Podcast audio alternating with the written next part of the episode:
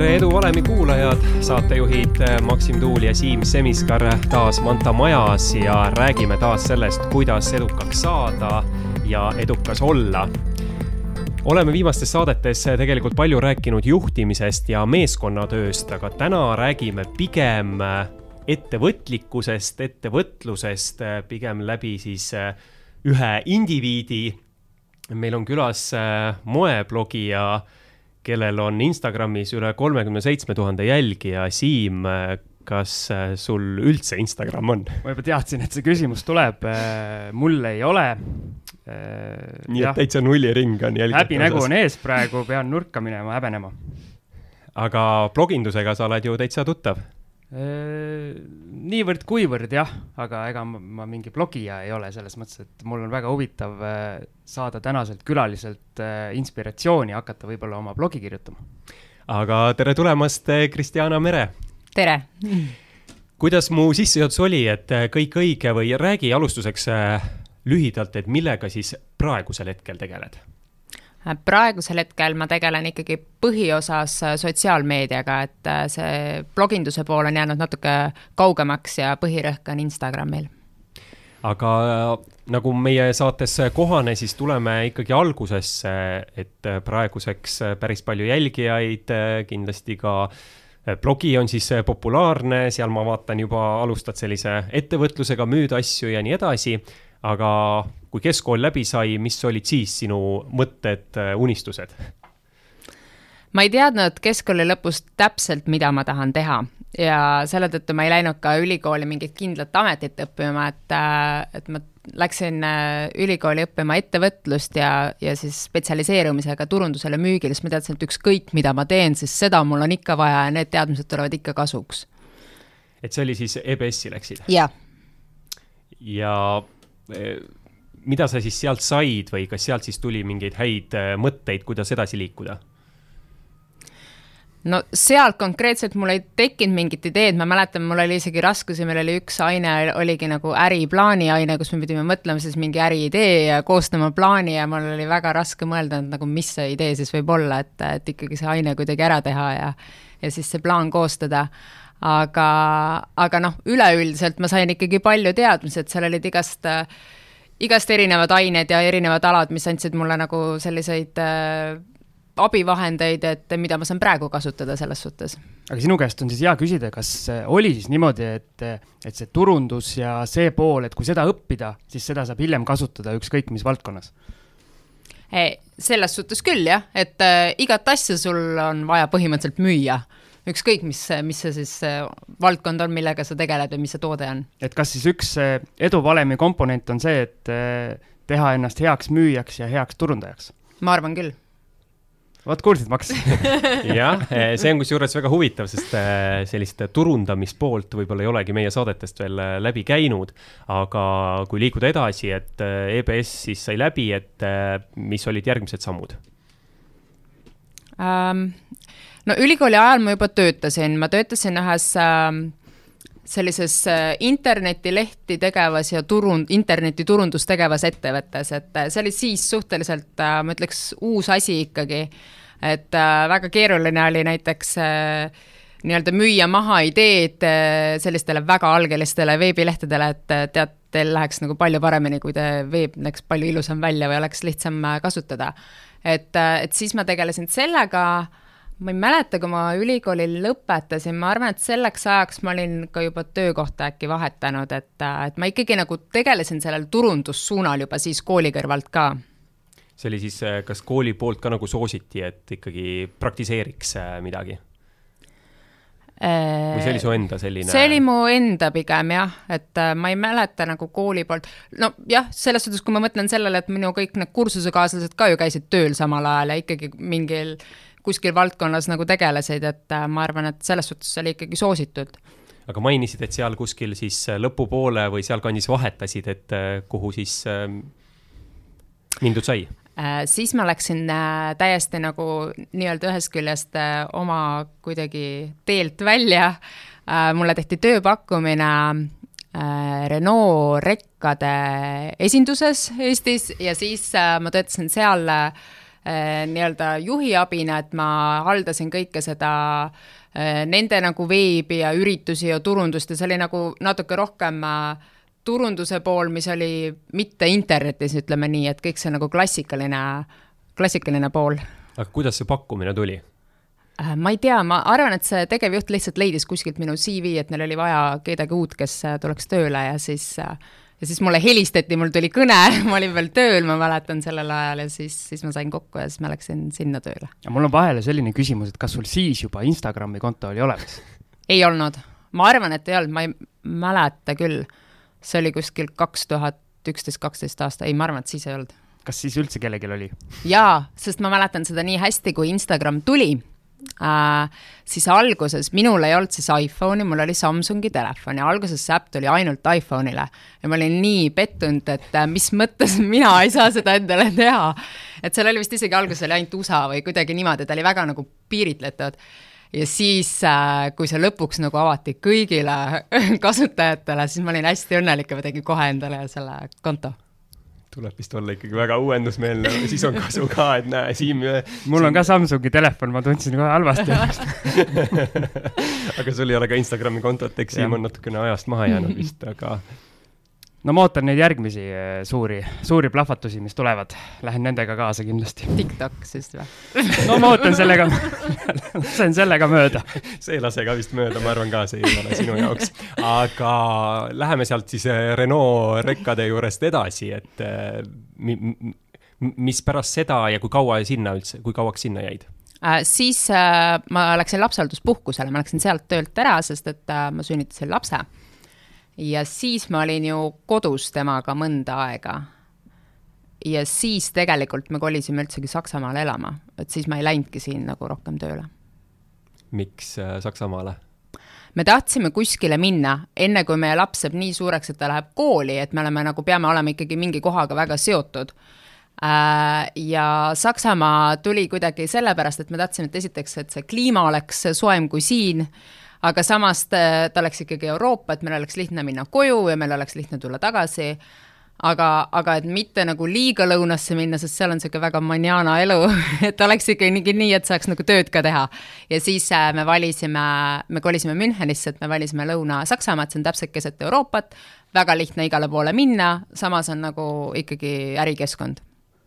Maks, aga sina oled ka meil hingelt ju kliimapagulane, et miks sina ei ole siiamaani veel ära läinud selliselt?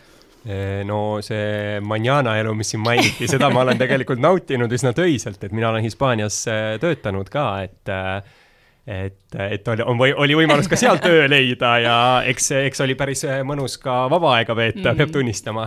aga mina tegelikult tahaksin hoopis jõuda sealt järgmise küsimuseni, ehk siis kuna sa oled ka tegelikult natukene nii-öelda reisiblogija lisaks mm -hmm. siis mhm. moeblogile, et äh, kui oluliseks sa pead seda, et inimene ikkagi elu jooksul reisiks, võib-olla isegi lausa siis elaks mingi perioodi mujal, et äh, kui maailmapilti avardav äh, see on? minu jaoks on väga oluline, et tõesti esiteks minu, minule annab inspiree-, väga palju inspiratsiooni reisimine et noh, minu, minu valdkonnas on see inspiratsioon ikkagi väga oluline, et midagi, midagi üldse toota ja teha. Et selles suhtes on oluline, aga üleüldiselt äh, reisimine ikkagi nii palju avardab silmaringi, kõiki erinevaid äh, kultuuri, keelt, eriti nagu kui äh, minu meelest on oluline, kui sul on väiksed lapsed, et siis sa nagu nendega reisiksid, et nende, neid kuidagi see nii palju avar-, avardab ja arendab. Aga ma siis küsin kohe vahele, et ütle palun oma top kolm sihtkohta, mida sa une pealt kõigile soovitaksid aga ma ühe asja ütlen enne vahele, kui sa mõtled neid top kolm sihtkohti mm, -hmm. et siis eh, Siimul nii hästi ei läinud, et tal vanemad ei vedanud teda lapsena mööda riike laiali, aga mina võtsin teda siin, ma arvan, üks äh, mitu aastat, viisteist aastat tagasi äkki või kümme aastat tagasi reisi, viisteist pigem. võtsid Soome kaasa? võtsin reisile kaasa ja siis sellest ajast sai Siim ka pisiku no,. aga nüüd top kolm siis sihtkohta Äh, mulle väga meeldib Hispaania, et äh, Barcelona mul, Barcelona mulle väga meeldib, ma võiks iga kell sinna minna, siis mulle meeldib väga Prantsusmaa. ja Lõuna-Prantsusmaa meeldib ja Pariis meeldib. ja siis äh, kolmas sihtkoht, mõtleme midagi, mis on väljapool Euroopat um,. no ma olen mitu korda käinud Abu Dhabis näiteks, et see mulle ka meeldib, võib-olla need oleks kolm. nõustun, minu arust olid väga head valikud et äh, Hispaania kindlasti, Abu Dhabi ka. Prantsusmaa, noh, mul on ainult Pariisi kogemus, nii et äh, ei oska niimoodi laiemalt öelda. aga läheme tagasi sinna Saksamaale, et mm, -hmm. et seal siis alustasid ka vaikselt selle bloginduse või Instagrami tegemisega ka? Äh, blogiga tegelikult ma alustasin siis vahetult enne, kaks tuhat üksteist aasta alguses, ütleme, ma mäletan, et ma enne, kui ma jäin rasedaks ja see oli tegelikult väga juhuslik, et ma üldse sellega alustasin. et äh, kuna ma alustasin täiesti, ütleme, moeblogijana, et, et lihtsalt äh, panin pilte, mis mul seljas on ja siis äh, mainisin ära, kust need riided pärit on.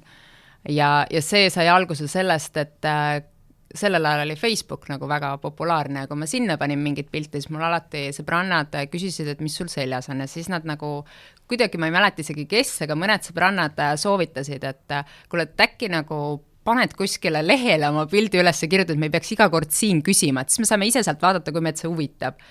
ja, ja siis ma avastasin selle blogimaailma ja siis ma hakkasin blogima üldsegi oli sul mingeid eeskujusid ka kohe alguses, keda sa ise võib-olla lugesid ja jälgisid? ma siis hakkasin lugema, et ma enne nagu ei jälginud blogisid, aga ja äh, esimene üks selline suur blogija, keda ma hakkasin jälgima, oli üks itaallane Chiara Ferragni.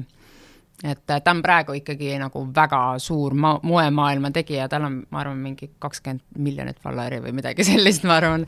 et ta oli juba siis nagu hästi äh,, hästi populaarne ka Itaalias, et ma mäletan, et tema oli üks esimesi, keda ma jälgisin aga kui sa alustasid, et äh, siis ei olnud või oli kohe selline mõte, et sellest võiks kujuneda lausa minu põhitegevus, mis äh, toob ka sissetuleku? ei olnud, seda ma alustasin täiesti hobina, et äh, ma lihtsalt hakkasin äh, tegema neid postitusi, vaikselt see läks nagu nendest äh, nii-öelda outfit'i postitutest kujunes edasi, ma hakkasin rohkem kirjutama sinna juurde, ma hakkasin ka mui-, muudel teemadel postitusi tegema. Ja, ja siis ta kuidagi kasvas, ütleme nii. oli meil tol ajal Eestis üldse kedagi sellist, kes eh, nii-öelda sotsiaalmeedia või, või blogi või selle valdkonnaga nii-öelda päris, eh, kuidas ma ütlen, kas põhitööna seda võttis või äraelatus? ma ei oska öelda, ma arvan, et ei olnud, sest meil ikkagi ka tänapäevani on see maailm kaks-kolm aastat maas ülejäänud maailmast, nagu kui kaugel on see kogu see so sotsiaalmeedia ja blogi mujal maailmas, et sest, sest meil on ju ka nii-öelda Facebook on siiamaani relevantne, mujal maailmas vist enam ei ole. vähemalt minu jaoks on Facebook väga, väga relevantne no Facebook on lihtsalt äh, vanade inimeste sotsiaalplatvorm selles mõttes. aga mm, ikkagi siis sinu puhul saab rääkida sellest, et sa tegelikult hakkasid tegema, tegelema sellega, mis äh, sulle meeldib, mida sulle natuke soovitati või siis küsiti mm. -hmm. ja siis lihtsalt sellest nii-öelda oma hobist on kujunenud siis äh, tõeline nagu töökoht töö. jah, võib küll nii öelda, et äh, loomulikult äh, eks seal on ka mitu aspekti, et kui ma olekski võib-olla ise mitte nii väga sinna panustanud ja võtnud seda hobina, siis ta ei oleks nagu kuskile kasvanud, teisest küljest ka äh, ma arvan, et äh, kui ma oleks kuidagi kui mul ei oleks endale see nii väga meeldinud ja see ei oleks mind paelunud ja ma oleks viitsinud sinna nii palju aega panna, sest tegelikult ikkagi mitu aastat sa ju teed nii-öelda tühja tööd, et sa muudkui kirjutad ja postitad ja paned hästi palju oma aega sinna ja, ja nii, et sa ei saa midagi tagasi, et sul on lihtsalt see nagu see kirjutamise rõõm.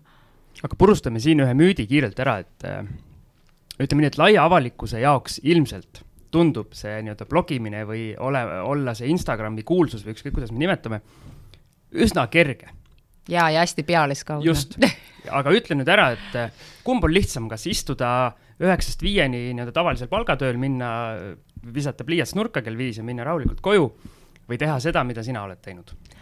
no mina ütleks, et kindlasti on raskem see, mida mina olen teinud, et kuigi see kõrvaltvaatajana tundub väga lihtne, et mis see siis on, et eh, lihtsalt eh, ütleme nii-öelda eneseimetleja teeb endast pilte, paneb postitab üles ja nagu igaüks võiks seda teha, sest tegelikult seal on ikkagi ju väga palju tööd, et see on väga palju rohkem kui ainult see, see endast pildi tegemine. Ja, ja ma arvan, et kui sa teedki ka väga igavaid pilte, siis tegelikult sealt ei tule mingit tulemust, et äh, loomulikult sul võivad tulla, kui sa oled võib-olla väga ilus või, või ma ei tea, mis, et sul võib, võivad tulla need fännid, aga et et kas sa nagu ka reaalselt äh, ikkagi raha teenid sellega, kas sa suudad müüa mingit toodet, kas sul on oma see jälgijaskond, et see kõik äh, töö on ju ikkagi keerulisem, et äh, üheksast viieni, kui sa tead, et sa saad kindla palga, siis, siis on väga mõnus tööl käia, et ükskõik võib-olla, kui palju sa seda tööd teed, sul tuleb palk, aga siin sa ikkagi sõltud iseendast, et. ja ma kujutan ette, et see faas, kui sa saad midagi müüa hakata, müüma hakata oma jälgijatele, et sinnamaani jõudmine võtab nagu oluliselt ikkagi aega ja nii-öelda ressurssi, et algus, algus teed nii-öelda tühja tööd. jah, just et mõned võib-olla ei hakkagi ja eriti Eestisse ju ikkagi oli nii palju maas ja ja siis, kui lõpuks tulid esimesed nii-öelda koostööpakkumised, siis olid ikkagi see, et ma saadan sulle ühe ripsmeduši ja palun kirjuta meist hästi palju, et noh, mis on tore, aga nagu ripsmedušiga ma oma arved ei maksa, on ju nägid, Maks, ma jagan seda maailma jaa, sa saad täitsa hästi pihta, kuigi oled Instagrami osas äh, täitsa võhik. aga ma tegelikult küsiks äh, veel ka keelelise küsimuse, et äh, sinu blogi on inglise keeles mm. -hmm et äh, kas see oli ka kohe siis äh, selles mõttes äh, on tehtud nagu teadlik valik, kuna ilmselgelt inglise keeles kirjutades saab olla su jälgijaskond suurem, et Eestis ongi raske, kui sa eesti keeles teed midagi, et, et sihtgrupp on nii väike jaa, täpselt sellepärast oligi, et äh, esiteks, kui ma alustasin, siis äh, ma ei tea, kui palju oli üldse nagu moeblogijaid Eestis, et, et kellele ma siis kirjutan ja ma ise jälgisin välismaa blogisid, et, et see oli kindlasti üks põhjus, et ma ei tahtnud jääda ainult Eesti kesksesse, sest eesti keelt ikkagi räägivad nii vähesed, samas inglise keelt nagu mõistavad kõik aga ma arvan, et siinkohal on aeg äh, teha väikene paus. jah, ja Maks nii kaua mõtiskleb, et äkki hakkame meie ka oma podcast'i inglise keeles tegema ja jätkame oma saadet välkküsimuste vooruga. Kristjana Siim on äh, valmistanud ette tosin küsimust, äh, valikvastused ja vastata tuleb äh, silmapilkselt. no pool sekundit on liiga palju, Siim alati ütleb mõtlemiseks. momentaalselt paluks siis. valmis? valmis. kas telefon või email? Telefon. kas Kariibi mere kruiis või matk Antarktikas äh,? kruiis. kas seks ja linn või meeleheitel kodu perenaised? seks ja linn kas kontsakingad või tennised? tennised. kas Tanel Padar või Ricky Martin uh,? Ricky Martin võib-olla kas kolm last või kolm koera? mõlemad. raamat ja vein või kino ja popkorn? raamat ja vein. ida või lääs? ida. kas paljas porgand või mallukas uh. liiga pikalt mõtlen ma ei tea, paljas porgand. kas metroo või takso? Takso. meie mees või Jüri Homenja? Jüri Homenja. kas kümme kilomeetrit suuskadel või tund hambaarstitoolis ähm,? tund hambaarstitoolis. Maks, mis sul meelde jäi sellest kõigest äh, mul jäi sellest meelde nüüd, et valisid äh, raamat äh, ja vein, mitte kino või, ja popkorn mm. -hmm. et ma mhm. tegelikult äh, siin enne saadet käisin su blogi vaatamas mm. -hmm ja märkasin, et äh, loed äh, hetkel vist raamatut äh, Everything is fact, võib vist meie saates välja öelda. Et kuna see raamatu pealkiri või see on sul juba loetud, küsin lihtsalt sellepärast, et ise ka hetkel just loen seda raamatut, et kas soovitad jätkata? No see on selline, ütleme nii, et ta on, ta on järg sellest eelmisest, ma ei mäleta, mis selle eelmise pealkiri oli eelmist ma ei ole lugenud. Everything is fact oli teine osa. ta on nagu natuke, ta on ikkagi suhteliselt nagu kerge lugemine, niisugune, ma võtsin selle reisile kaasa, et ta on nagu niisugune, et istud kuskil, ma ei tea, päevitad, et siis, siis loed, aga aga jah, ta on mõned, mõned peatükid on nagu huvitavamad kui teised, aga ma arvan, et nagu ükski raamat ei jookse nagu mööda külge maha, et kasuks tuleb ikka. mis on suusatamise vastu? ei ole midagi või noh, on ka, selles suhtes oleks sa küsinud mingi jooksmine, siis ma oleks nagu rohkem, ma ei ole väga talveinimene. jooksmine on liiga lihtne aga ma küsin veel eh, moeinimese käest ikkagi ära selle, et eh, kontsakingad või tennised mm -hmm. ja mhm. valisid tennised mm, -hmm. et. mulle meeldib nagu mugavus ennekõike ja tennised lähevad ju kõigega, sa võid kanda kleitidega, ma ei tea, dressidega, teksadega, et see on nagu kuidagi. ja kuidas Ricky. Martin nüüd Tanel Padari niimoodi selili pani siin täna? Mulle ausalt öeldes ei meeldi kumbki, ma ei ole väga suur Eesti muusika austaja. Ricky Martinit ma ka ei kuula, et ma lihtsalt kuidagi tegin ühesõnaga kaks valiku. halba valikut oli jah ja. nii, aga liigume siis äh, välkküsimuste juurest pikemate küsimuste juurde edasi ja.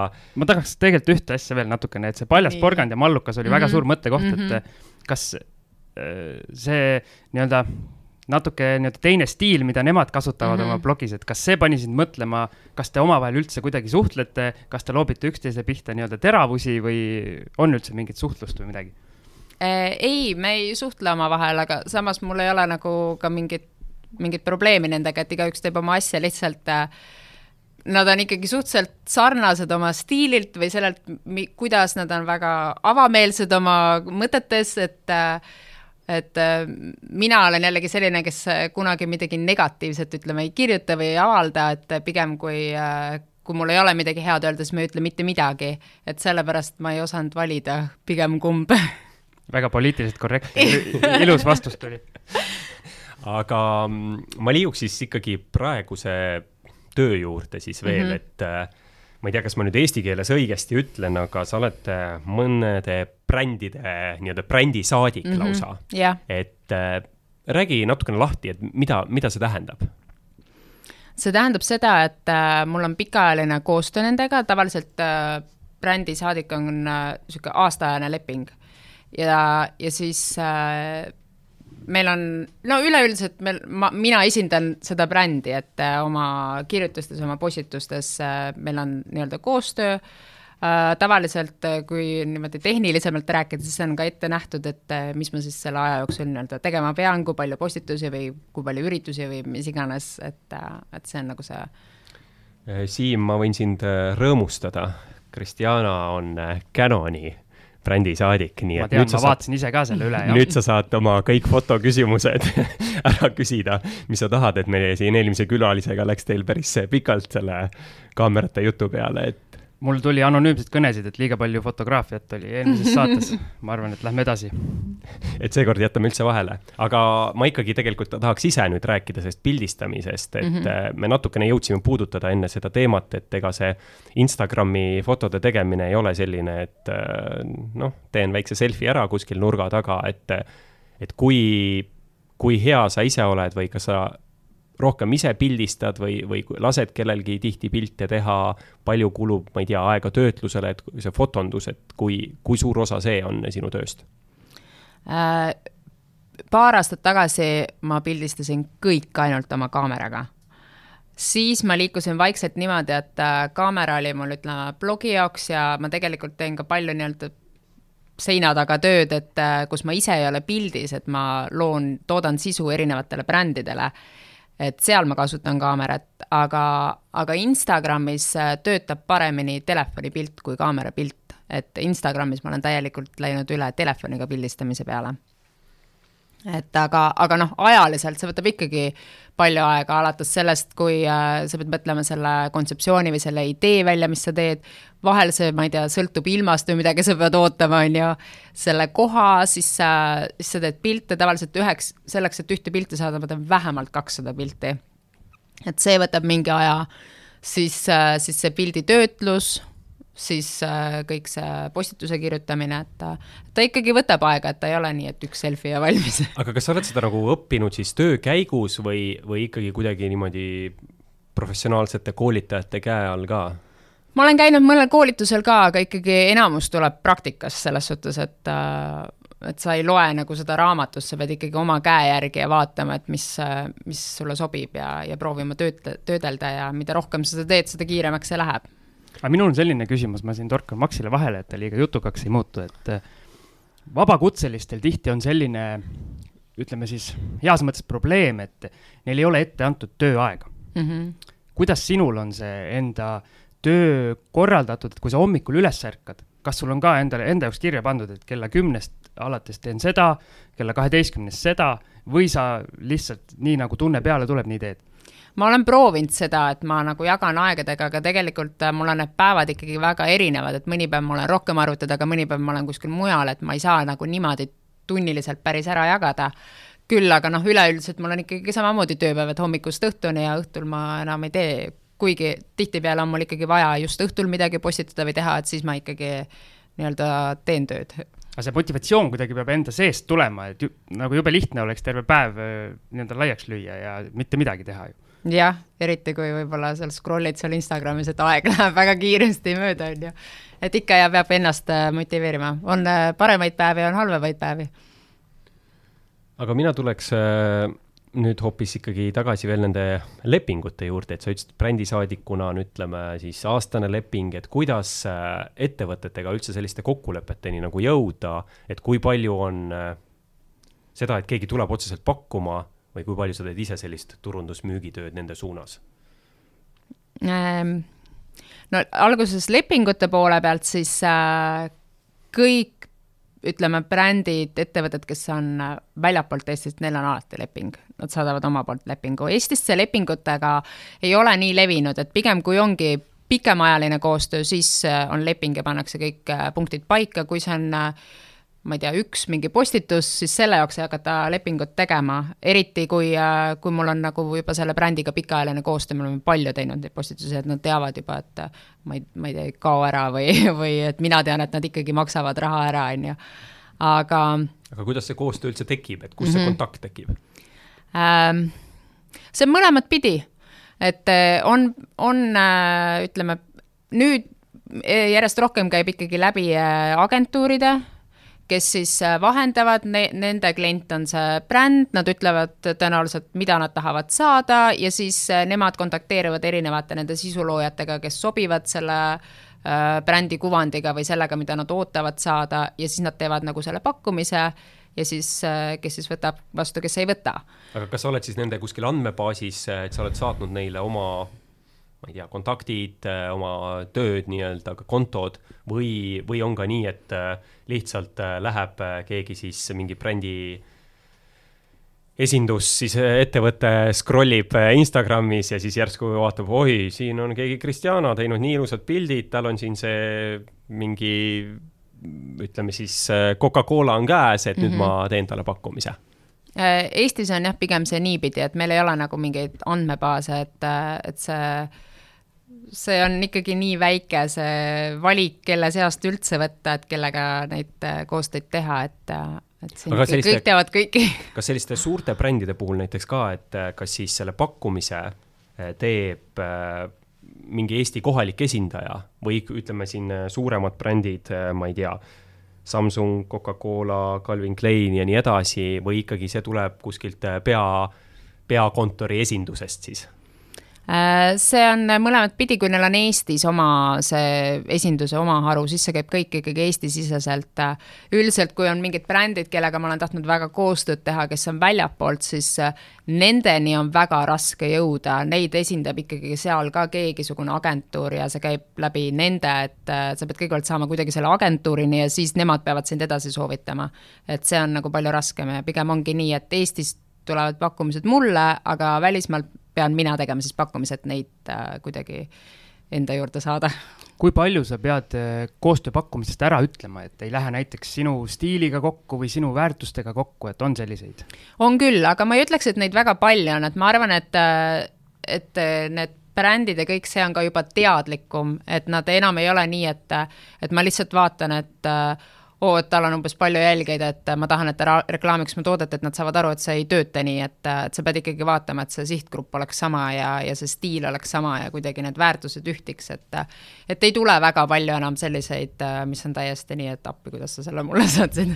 ja siis teiseks, me teame, et selline nii-öelda agressiivne müük, see mm -hmm. tõmbab inimesed kohe lukku mm. -hmm. kas sa mõtled selle peale, kuidas oma nii-öelda jälgijaid mitte nagu äh, müügiga üle äh, üle ujutada, et vahepeal mingit muud sisu pakkuda, niimoodi, et kas sa jälgid seda kuidagi sellist tasakaalu? jaa, väga palju, minu jaoks on oluline, et ütleme, kakskümmend viis protsenti on reklaam ja noh, et vähemalt eh, seitsekümmend viis protsenti on äh, muu sisu. et kuu lõikes umbes, et palju postitusi teen, et ta hajuks ära. teisest küljest on mul alati hästi oluline mingi loo jutustamine, et äh, mis mind seob või miks ma valisin selle toote või mis mind seob selle brändiga, et äh, muidu see nagu lood kuidagi müüvad, mitte see, et, et ma teen nüüd niimoodi et panen selle enda kõrvale selle toote ja siis nüüd kõik vaatavad, et oo, et kui mul see oli, et siis ma pean sellega ka ostma. aga kas see on ka sellist nagu ekstra pinget peale pannud, et sa oledki selline nagu brändide esindusisik et nüüd ongi, et iga kord, kui sa välja lähed äh, näiteks koeraga, et siis mm -hmm. sa ei saa niimoodi, et äh, viskad äh, viis aastat vanad poolkatkised tennised jala otsa ja mingid dressipüksid jalga ja, ja lähed, vaid ei, ma võtan ikkagi suhteliselt vabalt, et no ma ei tea, ma ei tunne, et ma olen mingi kuulsus või midagi, et ma peaks hullult jälgima, milline ma välja näen, küll aga ma käingi koeraga jalutamas tööle, mingid vanad dressid seljas ja siis vahel on mulle ikka keegi kirjutanud Instagrami, et aa, ma nägin sind koeraga jalutamas, ma mõtlen, et issand, mis mul täna seljas oli, et millisena sa mind nägid, aga mis seal ikka, et ma olen ka ikka tavaline inimene. Aga ütleme, tänasel päeval minu teada ei ole tegelikult see blogi kirjutamine ja võib-olla see Instagram sinu ainuke töö, et sa ikkagi ka siin digiturunduse, üldse sotsiaalplatvormide sellise nõustamisega ka tegeled mm, -hmm. et räägi natuke sellest ka mm see on ka kuidagi niimoodi kasvanud loomulikult, et mind on hakatud kutsuma, rääkima, noh, niimoodi ütleme, ettevõttesisestelt ja, ja jagama soovitusi ja tegema koolitusi, et kuidas üldse äh, ma ei tea, ettevõtte poolt, kuidas ta võiks valida, kellega koostööd teha ja mida ta peaks jälgima ja, ja siis ka seda, ütleme, pildistamise poolt, et kuidas teha neid äh, pilte kuidas töödelda ja ja see on kuidagi lihtsalt kasvanud, et äh, mulle, mulle väga meeldib ka seda koolituste poolt teha ja jagada neid teadmisi, mis ma olen omandanud teistega ma korra tulen tagasi ühte eelmisesse vastusesse, et sa ütlesid, et vanasti alguses oli niimoodi, et saadeti sulle see üks ripsmedušš ja öeldi, et mm -hmm. kirjuta sellest mm. -hmm. kui palju selliseid pakkumisi veel tuleb, et äh, pakutaksegi oma toodet, äh, arvates, et äh, nii-öelda sulle sellest piisabki ja et. Äh, seda tuleb rohkem välismaalt sisse, et nende jaoks ikkagi äh, noh, ma arvan, et alla kahesaja tuhande follower'i sa oled nagu mitte keegi, on ju, et siis sa oledki nõus mingi iga asja eest tegema ja, ja sa oled ülitänulik, kui sulle saadetakse neid asju ja siis sa hullult muudkui toodad neile neid pilte, teed reklaami ja sul nagu oma aega ei ole, et et sealtpoolt tuleb nagu rohkem seda sisse, Eestis on ikkagi saadakse aru, et, et see peab olema nagu kuidagi võrdeline sellega, mis sa pakud ja sellega, mis aja teine sinna sisse paneb, et see ei pea olema rahas, kui see, kui see toode on mingi väga väärtuslik või nii, et see peab lihtsalt olema võrdelises pakkumises. kui palju sa jälgid oma äh, oma jälgijate nii-öelda maailmas, maailmas laiali jagunemist või kuidas ma seda ilusti ütlen, et kui palju on eestlasi, kui palju on, ma ei tea, muust rahvusest inimesi, saad sa nagu väga täpselt neid numbreid kätte? Ja no Instagram ise annab seda statistikat ja, ja on ka selliseid Instagrami väliseid äh, lehekülgi, mis siis kuidagi mõõdavad seda, seda statistikat, et ikka ma jälgin seda et ma tean ikkagi, mis see vanusegrupp on ja mis, kust see päritolu on ja noh, ja, ja ma näen ka sellest, kes kõige rohkem äh, võib-olla kirjutavad mulle, et millised inimesed on äh, kõige rohkem nagu kaasatud minu tegemistesse. ja kes on kõige rohkem kaasatud? ikkagi eestlased, ütleme nii, Eesti naised minu vanuses enam-vähem, et, äh, et neid ma arvan, et see on kõige vahetum, et ma elan samas kohas kui nemad ja, ja samasugune elu, et, et see nagu kaasab kõige rohkem, kõige huvitavam jälgida. Ma tuleks sinna siis äh, paari küsimuse taguse vastuseni, vastuse juurde tagasi ja tegelikult tooks hoopis siia paralleeli Siimule, et Siim on ka mulle mitu korda öelnud, et äh, kui ta ettevõtlusega alustas, et äh, hakkas nagu ühte asja tegema ja siis, kui sa teed seda ühte asja, siis selle käigus äh, nagu tulevad uued projektid, et hakkasid võib-olla blogima, siis see sotsiaalmeedia mm -hmm. sinna juurde, nüüd juba käid koolitamas ja mine sa tea, mis sellest välja kasvab. on ju siin nii? no sa ise rääkisid kõik ära ju sa saad ainult nõustuda jah, ütleme jah ja noogutame. aga, aga kas sul on nägemus, et Kristjana, et kuhu siit nagu edasi kasvada, ma mõtlen siis lisaks sellele, et loomulikult jälgijate arvu tõsta, aga et kas sul on ka nägemus, et, et kuidagi su, ütleme siis, ettevõtlus suureneb? jah, selles suhtes ma olen kogu aeg nagu jälginud seda, et äh, ikkagi äh, et mul, et ma hoian nagu kogu aeg oma seda kodulehte või seda blogi ka ikkagi tege-, tegevuses, et see on äh, täiesti minu leht, et äh, ma ei tea, kui Instagram lihtsalt võib ära kaduda või kinni panna, siis äh, kui mul on nagu kõik seal, siis, siis mul peale seda ei ole enam mitte midagi, et et ma ikkagi püüan võimalikult palju ära kasutada seda, et et kui mul on nagu mingisugune bränd, nii-öelda enda bränd ja, ja nimi, et et see annab võimaluse ka midagi muud teha ja kuidagi suunata et siin vahepeal Facebook äh, on muutnud oma nii-öelda postituste leviku, igasugu mm -hmm. neid mhm. algoritme ja värke, kui palju Instagramis sellist asja toimub ja kas sa pead olema kogu aeg nagu nii-öelda näpp pulsil sellel tehnikamaailmal, et kui nüüd midagi ju-, midagi juhtub seal Instagramis, et sa pead kohe reageerima või midagi oma nii-öelda selles tööflow's hakkama midagi muutma või on midagi sellist olnud? Jah, seal töötab see kõik suht samamoodi nagu Instagramis ikkagi, kui sa oled äh, nii-öelda see business page, siis nad saavad aru, et sa tahad sealt ka mingit kasu neilt saada, nemad selle pealt raha ei teeni, siis nad äh, blokivad su neid postitusi, et sa ei jõua väga kellenegi, et sa ei jõua oma jälgijatenigi, on ju, et äh, veel vähem siis kellelegi väljapoolt, et äh, et nad tahavad muud, kui et sa teeksid reklaami ja promoksid oma postitusi, et. Et ühesõnaga, sa pead olema väga teadlik, mis, kui midagi muutub, et siis mm -hmm. reageerida. jah aga alati ei tea, kuidas reageerida, et eks seal tuleb proovida lihtsalt. üldiselt nad tahavad, et inimesed oleksid äh, väga palju, veedaks oma aega nende platvormil, et mida rohkem sa seal oled ja ise suhtled erinevate inimestega, seda rohkem nad siis tõstavad ka sind esile aga teeme veel lühikese pausi ja siis äh, meie saate viimane osa. jah, ja ma vahepeal teen Instagrami konto ära ja jätkame vestlust äh, siin Manta majas. Äh, Kristjana, mina teleinimesena pean ikkagi ära küsima, et äh, sul on tegelikult ka televisioonikogemus, et tegid saadet Mismoodi. kuidas see kogemus meeldis, et kas on ka võimalust, soovi veel millalgi televisiooni naasta? see oli väga tore ja huvitav kogemus selles suhtes, et ma nägin ka seda teist poolt, kuidas äh, mina ju toodan sisu, mis on, ütleme, mis ma ise kõik teen üksinda ja, ja mis on kuidagi seal digimaailmas, et, et ma nägin seda saate tagapoolt, et kui palju aega läheb tegelikult ikkagi ühe lühikese saate tegemiseks, et väga tore kogemus. aga pole tekkinud sellist nagu soovi, et äkki hakkaks ka oma Youtube'i kanalit tegema või, või, või sellist ka siis Instagram TV-d või, või, või ma ei tea, võib-olla sa ka natukene kasutad seda? Ma olen teinud äh, paar seda IGTV videot, aga üldiselt Youtube'ile ma ei ole kunagi mõtelnud, et äh, ma, ma ise ei jälgi väga Youtube'i, mind ei kõneta need vlogid nii väga uh,. mulle meeldib üleüldse rohkem nagu pilte vaadata ja, ja pilte ka ise teha, kui, kui see videote pool ja ja see videotöötlus, kui ma peaksin selle nagu üksinda pihta hakkama, et see tundub ikkagi väga aeganõudev tegevus aga meie saate nimi on Edu valem, et mm -hmm. kui sa vaatad nüüd oma senisele karjäärile siis tagasi, oma tegevustele, et äh, mis sa leiad, et on olnud nagu sinu edu saladus, et, et sa oled nagu suutnud läbi lüüa, muutunud populaarseks ja tegelikult nii-öelda teed head tööd, et, et töö, mida sa armastad, on ära tasunud? ma arvan, et seal on mitu, mingis osas kindlasti õnn, õnn lihtsalt kuidagi, et äh, mida sa ei saa kuidagi juhtida. samas, äh, mis ma alati püüan teha, et äh, ma nagu annan endast rohkem, kui mult oodatakse, et ma arvan, et see on väga oluline, et sa jätad ikkagi sellele kliendile nagu hea kogemuse, et äh, näiteks kui mul on, ma ei tea, lepitud kokku, et ma pean neile näiteks kümme pilti tegema, siis ma saadan neile kolmteist või noh, midagi, et ma annan nagu midagi rohkem, on ju, või, või teen mõned story'd rohkem või kuidagi äh, annan neile rohkem, kui nad ootasid, et ma arvan, et see on alati hea, et kui neil jääb hea kogemus äh, sellest äh, ja, ja noh, pead tähtaegadest kinni, mis on võib-olla elementaarne, aga mida seal maailmas äh, väga palju ei ole, et kuidagi ma olen kuulnud hästi palju seda, et saadetakse liiga hilja need oma need tööd ära ja, ja siis kõik kampaaniad nagu nihkuvad edasi, et ma arvan, et niisugused elementaarsed asjad teevad seda, et järgmine kord jäi hea mulje ja see bränd tuleb sinu juurde tagasi. kusjuures see punkt eh, minu meelest siin saates ei ole seda kordagi varem öelnud, et see, et eh, anna kliendile rohkem, kui ta ootab, eh, see on ülihea punkt minu meelest.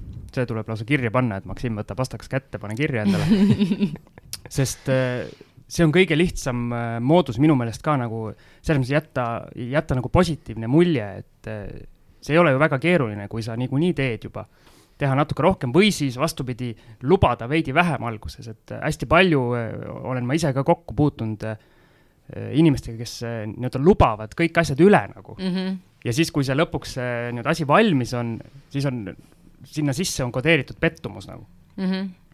kui te saate aru, mis ma mõtlen? saan nojah, eks need on need inimesed, kes üritavad ühe korra oma teenuse nii-öelda maha müüa ja siis sa korra ostad, aga, aga see ei ole jah, jätkusuutlik aga mina tahaksin veel äh, tulla tagasi selle juurde, et äh, me siin rääkisime, et ütleme, sellist inspiratsiooni annab sulle reisimine, et äh, loed raamatuid, kus sa veel sellist, ütleme siis, motivatsiooni ammutad? Kas oma postituste jaoks või mille jaoks sa mõtled? no üldse, ütleme siis eh, oma, oma nii-öelda iga, igapäevase töö jaoks, mis iganes see siis on? No postituste poole pealt ongi see, mis ma näen või kus ma reisin või, või vaatan ka liigun erinevates kohtades ringi, et ma väga palju olen peale seda, kui ma hakkasin sellega tegelema, et ma vaatan nagu, ma ei tea, kui ma vaatan aknast välja, siis ma vaatan kohe, kuidas see valgus on või kuidas siin seda pilti saaks teha, et ma kuidagi vaatan teistmoodi kõike äh,. aga tegelikult ma tahtsingi veel küsida, et ütleme, et kui sa seal Instagrami pildi teed mm, -hmm.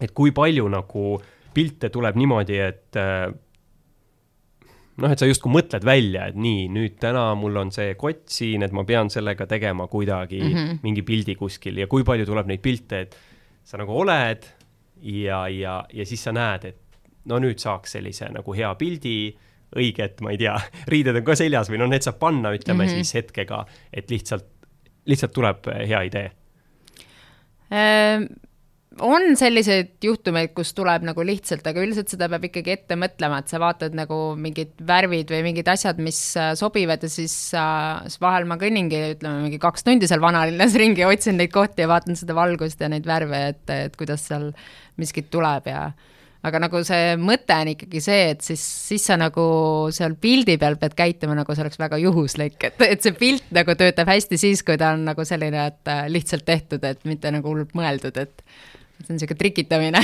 aga ma tahtsin veel seda küsida, et kas sa oled selline inimene, ma toon nüüd ühe näite, et sa aru saaks mu küsimusest. Äh, on selline olukord, et klient pöördub sinu poole mingi kindla sooviga mm. -hmm. sina ei ole päris kindel, et sa suudad seda, suudad seda teha nii, nagu nii nagu nemad soovivad. kas sa võtad selle asja vastu, ütled jaa ära ja siis hakkad mõtlema, et kuidas sa sellega hakkama saad. või siis sa pigem ütled ei ja nii-öelda lähed oma nii-öelda mugavustsoonis nagu või kindla peale lähed nagu välja? Ma saadaks neile vastu omapoolse nägemuse asjast et kuidas ma näeksin seda võimalust, kuidas seda võiks teha mm, -hmm. et mis nad arvavad nagu sellest äh, mõttest, sest et üldiselt ma arvan, et äh, nagu koostöödena toimivad kõige paremini need, kui äh, klient ütleb enda poolt äh, selle, mis ta tahab sellega saada või mis tal see põhieesmärk on, aga ikkagi ta usaldab seda sisuloojat äh, selles, et, äh, et ta on äh, kreatiivne ja mõtleb välja, kuidas see lahendada või mis töötab tema jälgiskonnaga kõige paremini, et kui sa paned ette selle, et vot sa pead täpselt sellise pildi tegema, täpselt niimoodi hoidma, siis see võib olla väga lahe, nad võivad mõelda, et see on nagu kihvt ja ilus ja töötab, aga tegelikult see ei pruugi nagu selle jälgiskonnaga üldse töötada, et et sellistesse, kui on väga nagu viimse punktini ette pandud, ma üldiselt niimoodi ei võta vastu, kui ma just ei tea, et see kindlasti nagu toob neile selle tulemuse, mida nad ootavad, et pigem ma siis saadan endapoolsed mingid nägemused, et kuidas seda võiks hoopiski lahendada. aga kui palju nagu üritatakse ette kirjutada mingeid asju väga punktuaalselt äh,? väga palju seda ei ole, et äh, et üldiselt antakse ikkagi vabad käed. mingisugused piirmäärad on ikka, et mida kindlasti teha või mida kindlasti mitte teha. Et äh, ja hästi palju on ikkagi seda, et äh, sa teed need postitused valmis ja sa saadad need neile nagu ülevaatamiseks, enne kui sa midagi postitad, nii tekstid kui pildid, et äh, et nad saavad enne näha, et neil ei tule mingi üllatus sealt. aga on sul mõni, mõni töö läinud nagu eesti keeles pekki ka um...? et on nagu piinlik olnud näiteks ära saata või ei olegi tahtnud ära saata või või ei olegi ära saatnud ja öelnud, et on vaja ajapikendust äh, ma ei ole vist ajapikendust küsinud, on küll äh, mõned sellised, millega ma ei ole ise lõpuni nagu täiesti rahul, et äh, lihtsalt oled proovinud ja teinud ja kuidagi, kuidagi ei, ei ole nagu see, tunned ise aga, aga vahel on ka just see, et ise tunned, et no ei ole nagu eriti, klient on mega rahul, et talle nagu hullult meeldib, et selles suhtes ei tea. aga vastupidi, et sina oled nagu väga rahul, aga klient ütleb, noh, on ka seda olnud, jah. Et äh, vot on ka vahel olnud nii, et äh, kuule, see üldse ei toimi, palun tee kõik uuesti, vaata, et noh, tuleb ikkagi seda, mis on vahel kahju, kui sulle endale hullult meeldib see pilt, on ju, et nagu ja siis sa nagu ei saa seda niisama ka kasutada, sest see on ikkagi nagu niisugune reklaampilt, et siis see läheb nagu tühja, aga aga kuidas sa suhtud või kuidas sa võtad selle noh, olgem ausad, see on ikkagi kriitika, kui sul palutakse mm -hmm. töö ümber teha mm, -hmm. see on, mhm. äh, no mõne inimese võtaks, ma ei tea, jalust maha mingi nädalaks, on ju, kuidas sina sellesse suhtud? No ega see mulle ei meeldi selles suhtes, et ikkagi ma pean kõik uuesti tegema ja, ja ma olen ikkagi oma aja sinna pannud ja kui minule see idee ja see nägemus sobis, et et siis äh, noh, ta ei meeldi, aga no mis seal ikka, selles suhtes, ma pean siis uuesti tegema, et mis, mis ma siin ikka halan, et, et aga... mul on vaja töö ära teha ju. hakkad sa vaidlema ka, et umbes, et ei, tegelikult ju see ongi hea või? ei, aga ütleme, kui äh, ma olen nagu, kui on tõesti see, et ma, kui ma ei saa aru, et mis seal ei sobinud või nii, siis ma olen ikkagi selgitanud oma seda nägemust või, või palunud siis neil selgitada, et mida nad siis ootavad, et me kuidagi rääkisime üksteisest väga mööda. et siis ma nagu järgmise korraga saaks selle õigesti tehtud. sest miks ma küsin äh, nagu selles suunas, on see, et ma kujutan ette, et taolises maailmas kõik inimesed on hästi loovad ja neil on kogu aeg mingid, noh, nagu mm -hmm. sa räägid, et näevad mingeid, igal pool mingeid pilte ja asju ja, ja siis see kui kaks loovat inimest nagu nii-öelda põkkuvad mingis eriarvamus, ma kujutan ette, see, see on ka päris nagu huvitav, huvitav kõrvalt jälgida, et need, need visioonid võivad ju päris erinevad yeah. olla. ma arvan, see ei ole huvitav, see on õudne aga ma tuleks korraks ikka tagasi oma lemmikteema juurde, eks. sa oled kogu aeg tagasi. reisimise juurde võib-olla jaa, ma peaks oma sõnastust muutma ja mõtteid ka. jah, mul tuli anonüümne kõne, nagu sulle tulevad kogu aeg, öeldi, et miks Max kogu aeg tagasi liigub. aga läheme edasi reisimisega.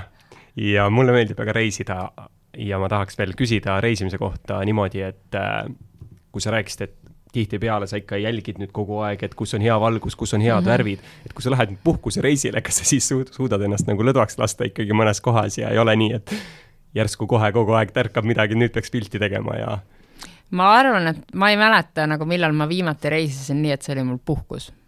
et mul on ikkagi iga reis on töö. midagi ma seal ikkagi teen nagu selles suhtes, ta ei ole nii, et ma, ma ei võta mingit tööd nii-öelda kaasa või midagi ei tee. et äh, ma ikkagi väga palju teen ka äh, hotellidega koostööd, ma loon neile seda sisu, mida nemad saavad kasutada, nii et ma ikkagi neid hotelle väga palju pildistan seal ja seda, seda tööd pean tegema ja siis äh, üldiselt tihtipeale tahetakse ka ju neid äh, pilte väga kiiresti saada, et ma juba sealsamas seal reisil töötlen ja saadan neile neid, et et ega nagu niisugune täiesti puhkust, puhkust äh, ei ole olnud, see suvi on puhkust, sest et ei ole reisimist. aga sa hotellides, siis sa teed neile pilte nagu, nagu täitsa fotograaf selles ja, mõttes ja,? jah, jah, et nende kasutusse.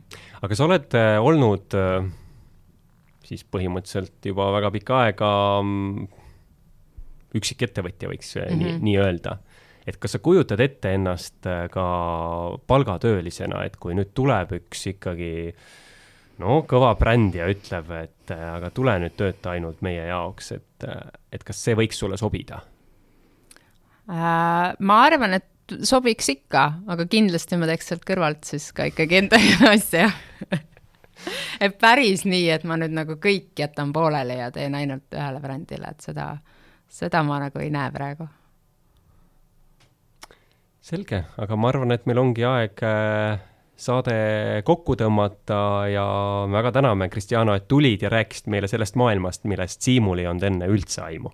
aitäh kutsumast ja kuulajatele ütleme ikka seda, et kui teil on küsimusi ettepanekuid veel meie külaliste osas, siis kirjutage meile info at rahajutud.ee ja rahajutud.ee portaalist ka meie podcast'i üles leiate, loomulikult ka kõikidest suurematest podcast'i äppidest. mõnusat äh, päeva või õhtu jätku, millal iganes meid kuulate